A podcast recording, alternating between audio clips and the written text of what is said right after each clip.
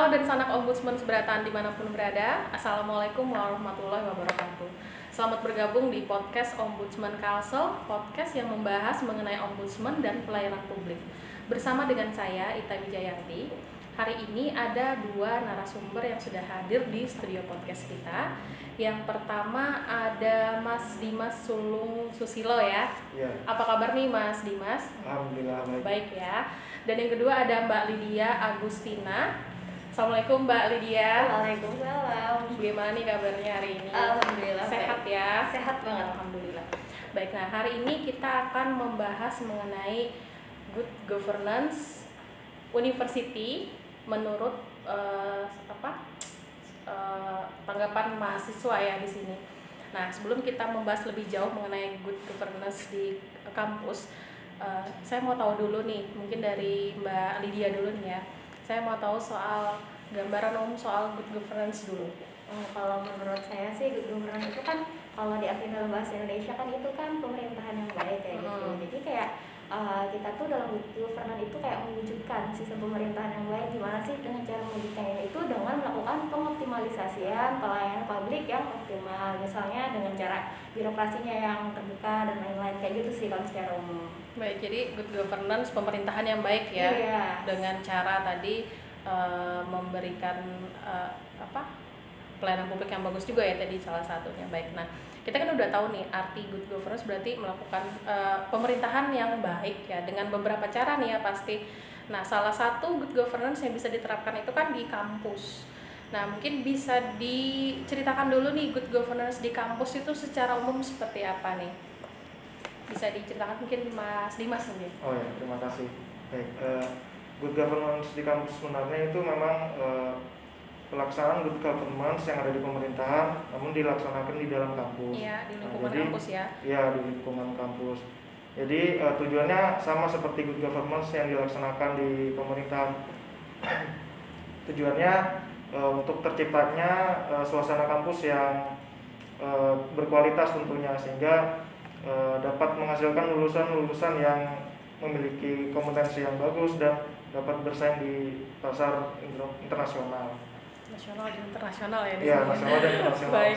Nah, nah dalam hal untuk mencapai tujuan yang tadi dijelaskan oleh Mas Dimas, nah apa saja upaya yang harus dilakukan nih oleh universitas agar tercipta eh, good governance atau ini tata kelola universitas yang baik ya ini yang oleh Hmm. universitas ya. Nah, Iya. apa nih upaya-upaya yang harus dilakukan agar eh, semua itu bisa tercapai? Mungkin bisa dijelaskan Mbak Lydia. Oh, mungkin dari pertama kita kan dari setiap universitas itu punya visi dan misi kan tujuannya arah kiblatnya tuh mau ke mana yang pasti kita harus kayak mewujudin itu dulu sih kan Hmm. yang dari fondasi utamanya Iya. terus juga mungkin dari ide dia sendiri mungkin dari kampus juga perlu sih sering-sering kayak membuka uh, forum dengar pendapat mungkin kayak forum diskusi dan di situ bisa kita hadirkan dari segala macam lapisan mungkin dari uh, lapisan dosen-dosen ataupun pihak-pihak fakultas dan juga nggak penting kita kan punya mahasiswa juga yang merasakan gimana sih uh, dengan kebijakan yang dikelola oleh kampus kayak gitu efeknya gimana? Ini sudah nyaman sudah benar sudah tepat belum? Kayak gitu. Jadi sering-sering kayak kita tukar pendapat biar sama-sama dari uh, lingkup yang paling atas sampai ke bawah tuh tahu gitu Baik, jadi eh, upayanya tadi eh, bisa dengan mewujudkan visi dan misi di setiap eh, perguruan tinggi atau universitas yang eh, di ini ya, yang eh, di mana tempat kita berada ya. Iya. Dan yang kedua tadi eh, bisa membuat forum diskusi ya agar bisa ada ajang dengar pendapat dan Iya, menyampaikan betul. pendapat juga di sini.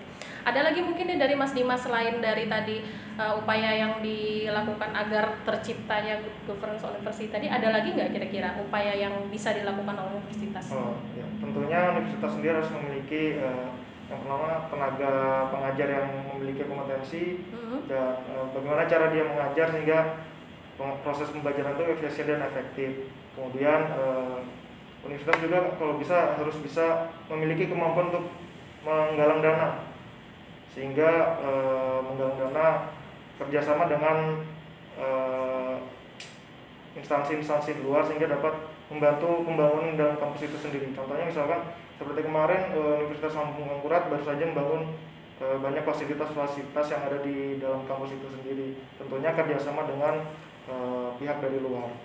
Iya, kalau saya lihat di eh, di di Unlam ya, kalau Iya. misalnya saya lihat nih ada BNI juga ya di situ Iya. sarana prasarana dari sana juga ada kalau saya lihat ya.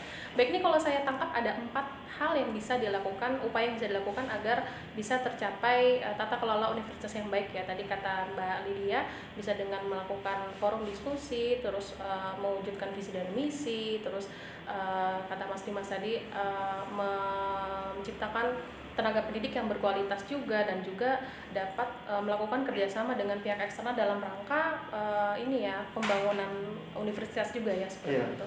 Nah selain itu nih eh, adakah unsur-unsur yang harus dipenuhi dalam mencapai tata kelola perguruan tinggi ini? Mungkin Mbak Lydia bisa jelaskan. ada nah kalau setahu dia sih ada enam yang pertama itu unsur transparansi maksudnya kayak unsur transparansi itu apa aja sih nah itu mungkin dari sistem uh, pengelolaan informasinya. Gimana sih? Misalnya dari uh, mahasiswanya aja nih. Misalnya kalau mahasiswa pingin nih dapat info beasiswa di mana sih? Kayak gitu. Nanti gak usah capek-capek kita harus nanya ke pihak mana dan gak usah bingung-bingung. Kita cuma bisa eh kita bisa buka misalnya ada di website yang dikasih kampus atau lain-lain. Terus juga kayak transparansi misalnya besaran UKT itu tuh sesuai eh dikasihkan ditetapkan itu tuh sesuai apa aja sih? Kayak memang informasi-informasi yang diperlukan oleh orang-orang itu bisa dengan mudah kita akses itu yang pertama. Lalu yang kedua itu pengorganisasiannya gimana sih Eh, dari pihak pemer eh, dari kampus itu mengorganisasikan? Kayak misalnya orang-orang yang duduk di misalnya eh, dosen-dosen atau organisasi yang sesuai lah intinya. Kayak organisasinya itu tepat Jadi pas penempatannya penempatannya tepat ya, harus baik. komposisinya pas dan Hmm. dengan sesuai juga sih kayak SDM-nya harus Iya. mumpuni juga. Terus yang kedua tuh responsivitasnya. Maksudnya responsivitas tuh gimana sih kayak pihak kampus itu tuh ketika ada problem nih misalnya sekarang lagi masa Covid nih, otomatis semuanya itu perlu online online bahkan sekolah eh, bahkan full perkuliahan pun juga dipaksa menjadi online. Itu kan pasti timbul polemik-polemik baru tuh kayak eh, misalnya kuota dan lain-lain. Nah, ini gimana sih kayak peran kampus itu tuh supaya membantu jalan memberi jalan keluar buat kayak mahasiswa nah itu misalnya melakukan subsidi melakukan apa terus juga pengurangan UKT karena memang UK, eh, kayak virus covid yang ada nih memang sangat mengganggu banget ya. Dan itu nah kayak eh, banyak orang yang kehilangan lapangan pekerjaan dan itu sih kayak eh, supaya respon terus itu langsung itu kayak akuntabilitasnya itu gimana sih? Kayak misalnya itu tanggung jawab tanggung jawabnya karena memang sudah ada beberapa kebijakan-kebijakan yang dibuat itu tuh juga harus ada pertanggungjawabannya juga kayak gitu. Nah kayak memang kayak check and balance-nya kalau menurut lo. Terus juga yang terakhir itu pola kepemimpinannya gimana sih dari pihak kampus itu kayak membawa masyarakat eh membawa kayak mahasiswa mahasiswa dan semua masyarakat lapisan yang ada di kampus itu tuh supaya sama-sama eh, mewujudkan yaitu good governance university itu itu enam aspek Baik, jadi ada enam aspek unsur utama soal uh, bagaimana caranya agar bisa menuju tata kelola universitas yang baik ya di sini ya. Tadi ada soal transparansi juga. Kalau saya uh, perhatikan tadi dari penjelasannya Mbak Lydia, transparansi ini ada kaitannya dengan teknologi juga ya. Jadi kalau misalkan transparansinya soal uh, UKT atau soal beasiswa tadi lebih mudah kata Mbak Mm-mm. Lydia tadi ya melihatnya. Berarti kan ada hubungannya juga nih dengan uh, penerapan teknologi yang bagus juga di kampus ya. Di sini terus ada pengorganisasian juga ada responsibilitas juga akuntabilitas dan juga kepemimpinan. Mungkin dari Mas Dimas nih ada yang mau ditambahkan soal uh, unsur utama tadi? Ada yang mau dijelaskan lebih le- lebih lebar lagi nggak kira-kira Oh, nih.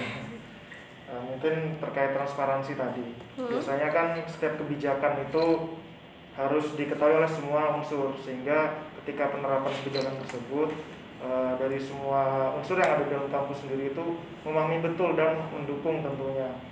Yang biasanya itu yang menjadi kendala kita, misalkan eh, kampus mengeluarkan sebuah kebijakan yang Hmm, ter- eh, sosialisasinya tuh kurang masif sehingga kami yang para mahasiswa ini Nggak tahu kurang ya. tahu. Ya. Misalkan kayak masa pandemi kemarin COVID, kampus ditutup total.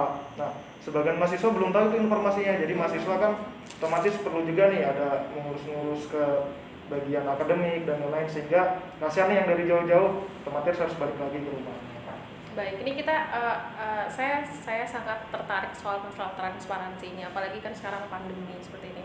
Ini kalau uh, tadi belum diinfokan di awal juga ya, ini Mbak Lydia dan Mbak Dimas ini kuliahnya di ISIP WLM ya di sini ya semester 7. Nah, saya mau tahu nih, bagaimana transparansi soal sistem perkuliahan di saat pandemi seperti ini? Apakah uh, khususnya di FISIP WLM sendiri itu sudah cukup mudah di uh, apa diketahui atau seperti apa mungkin dari bagi dia Kalau dari fisip sendiri sih mungkin info-info kayak gitu tuh kami ada grup grup grup kayak koordinasi juga sih kayak dari prodi kan kayak semuanya mengatur itu kan dari prodi langsung. Hmm. Nah itu sih terus juga kayak dari prodi juga aktif juga punya akun sosial media jadi kayak semua info asal kita rajin dan kita mau mencari dapat aja sih kayak gitu.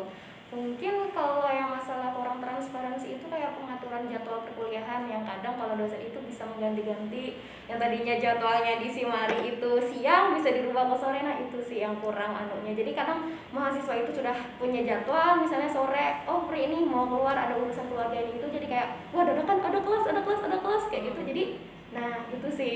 Agak ini jadwal jadwalnya yang kurang iya transparan iya betul. Baik. ini kalau misalkan dari sisi ini kan mahasiswa ini kan eh, otomatis selama masa pandemi ini belajarnya online ya. Ada yang menggunakan zoom ada yang menggunakan whatsapp juga. Ini bagaimana nih kalau di FISIP sendiri? Apakah yang diterapkan itu sudah memudahkan bagi mahasiswa untuk melakukan kuliah atau seperti apa? Ini dari mas Dimas. Ya, menurut saya sih memang sudah sesuai prosedur sih, Mbak. Eh, karena kami sendiri di FISIP kuliahnya biasanya menggunakan aplikasi Zoom, Hmm. ada juga yang menggunakan Google Classmeet.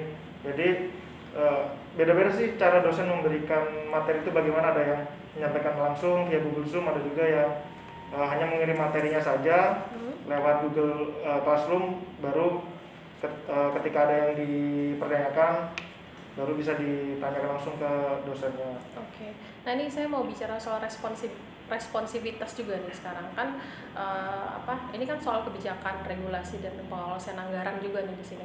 Nah, apakah di masa pandemi ini kan ada beberapa universitas yang memberikan subsidi kuota kan terhadap mahasiswanya agar tetap bisa melakukan perkuliahan. Nah, gimana nih di eh, fakultasnya Mas Dimas dan juga Mbak Lydia nih? Seperti apa kebijakan-kebijakan terkait mengenai kuota ini kan berarti kan memerlukan anggaran yang ekstra kan selain dari membayar kuliah ini seperti apa? Mungkin bisa Mbak Lydia dulu deh. nah kalau dari ulum sih gimana sih yang masalah transparan eh apa tadi sih Responsivitas, Oh, iya, responsivitas responsivitas. kampus terhadap ini seperti Eh, apa? itu agak cukup ada problem juga sih kemarin kayak cepat sampai tiga bulan ya masih belum ada kebijakan gitu jadi sebenarnya dan kebetulan dia kan di kampus juga ikut organisasi nih di Hmm. BEM jadi kayak memang di situ tugas-tugasnya mahasiswa berkeluh kesah sih jadi kayak BEM itu kayak ngelakuin audiensi kayak karakterat kalau memang banyak banget kayak keluhan-keluhan mahasiswa ini cukup keberatan. Kalau misalnya ngelakuin zoom buat sejam dua jam kan kuotanya lumayan gitu. Nah sampai 2 GB, 1 GB, 5 GB ada yang bahkan sampai habis uh, 5 GB dalam sehari buat perkuliahan aja. Jadi kayak dari mahasiswanya kemarin itu sama-sama sih kayak ngelakuin konsolidasi terus naik ke rektorat kayak uh, ngelakuin aspirasi aja pak gini loh gini gini gini gini gini dan sudah sempat diproses juga dan alhamdulillah dari kampus sendiri juga mulai kemarin membagikan subsidi kuota disalurkan dengan cara kayak uh, ngasih surat ke fakultas-fakultas kalau perlu mendata itu Nah, terus juga ya alhamdulillah juga kan kemarin dari Pak Menteri baru-baru aja juga ngasih kebijakan itu. Nah, lumayan sih dari kampus dapat, terus dari Kementerian dapat juga. dapat nih. Oke. Sekarang jadi alhamdulillah kuota buang-buangan sih kayaknya itu. Berarti kuliahnya harus banyak-banyak berarti. Iya, ya, gitu lah. Baik, ini eh, pertanyaan terakhir nih buat eh, Mbak Lydia dan juga Mas Dimas nih boleh jawab keduanya dengan eh, persepsi masing-masing. Nah, ini kan mahasiswa ya. Dan eh, kita sekarang berbicara soal university governance juga di sini. Nah, apa saja nih kira-kira peran mahasiswa dalam implementasi ini? Kira-kira apa saja di perannya mahasiswa sebagai sivitas akademika? nih? Mungkin dari Mas Lid eh Mas Lydia. Mas Dimas dulu nih. Iya, eh, mungkin yang saya tahu mbak ya peran mahasiswa sendiri itu ada tiga sebenarnya.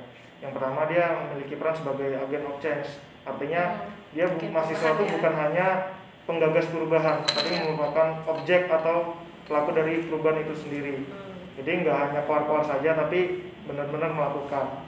Mungkin yang kedua eh, agen of control.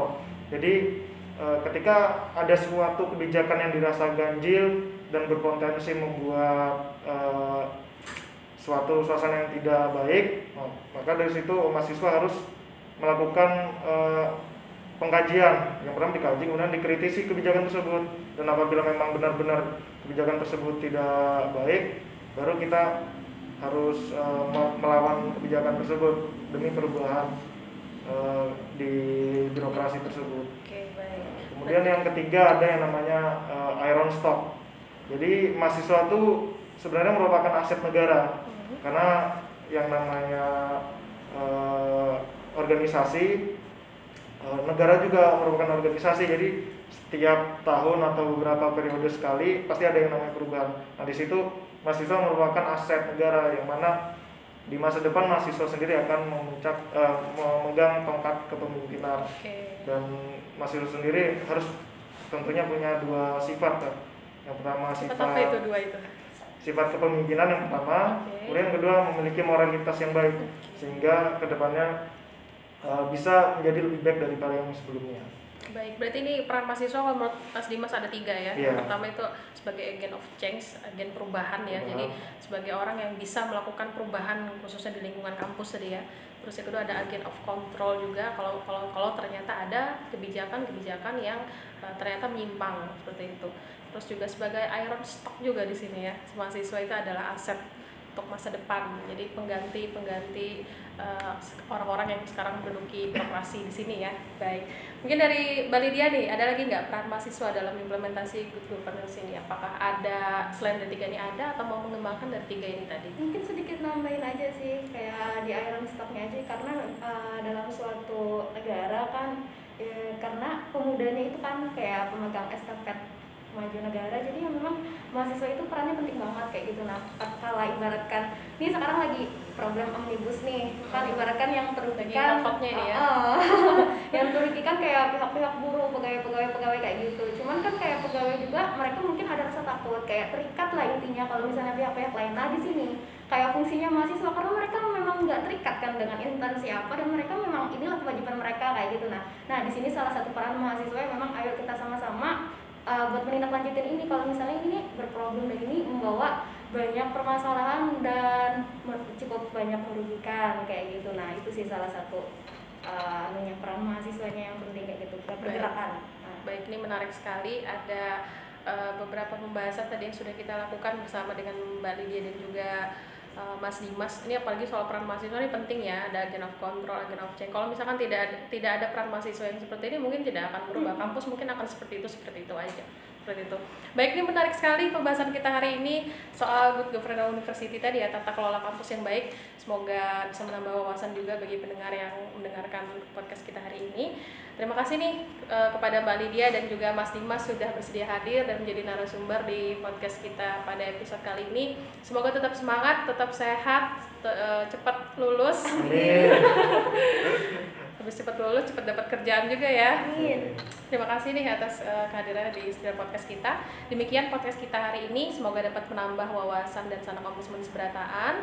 Jangan lupa follow media sosial kita di Instagram kita Ombudsman Kalsel, Facebook kita Ombudsman RI Perwakilan Kalsel, dan YouTube kita di Ombudsman Kalsel. Jika ada keluhan mengenai pelayanan publik, silahkan sampaikan melalui nomor pengaduan kita di 0811-165-3737. Sampai jumpa lagi di podcast kita selanjutnya. Kita akan hadir di setiap hari Selasa dan juga Jumat. Assalamualaikum warahmatullahi wabarakatuh. Waalaikumsalam warahmatullahi wabarakatuh Oke, sip. Thank you. Jadi bagusnya sih bikin kayak gini sih lah, supaya nggak bingung kan. Ini mana cari colokannya yang kecil?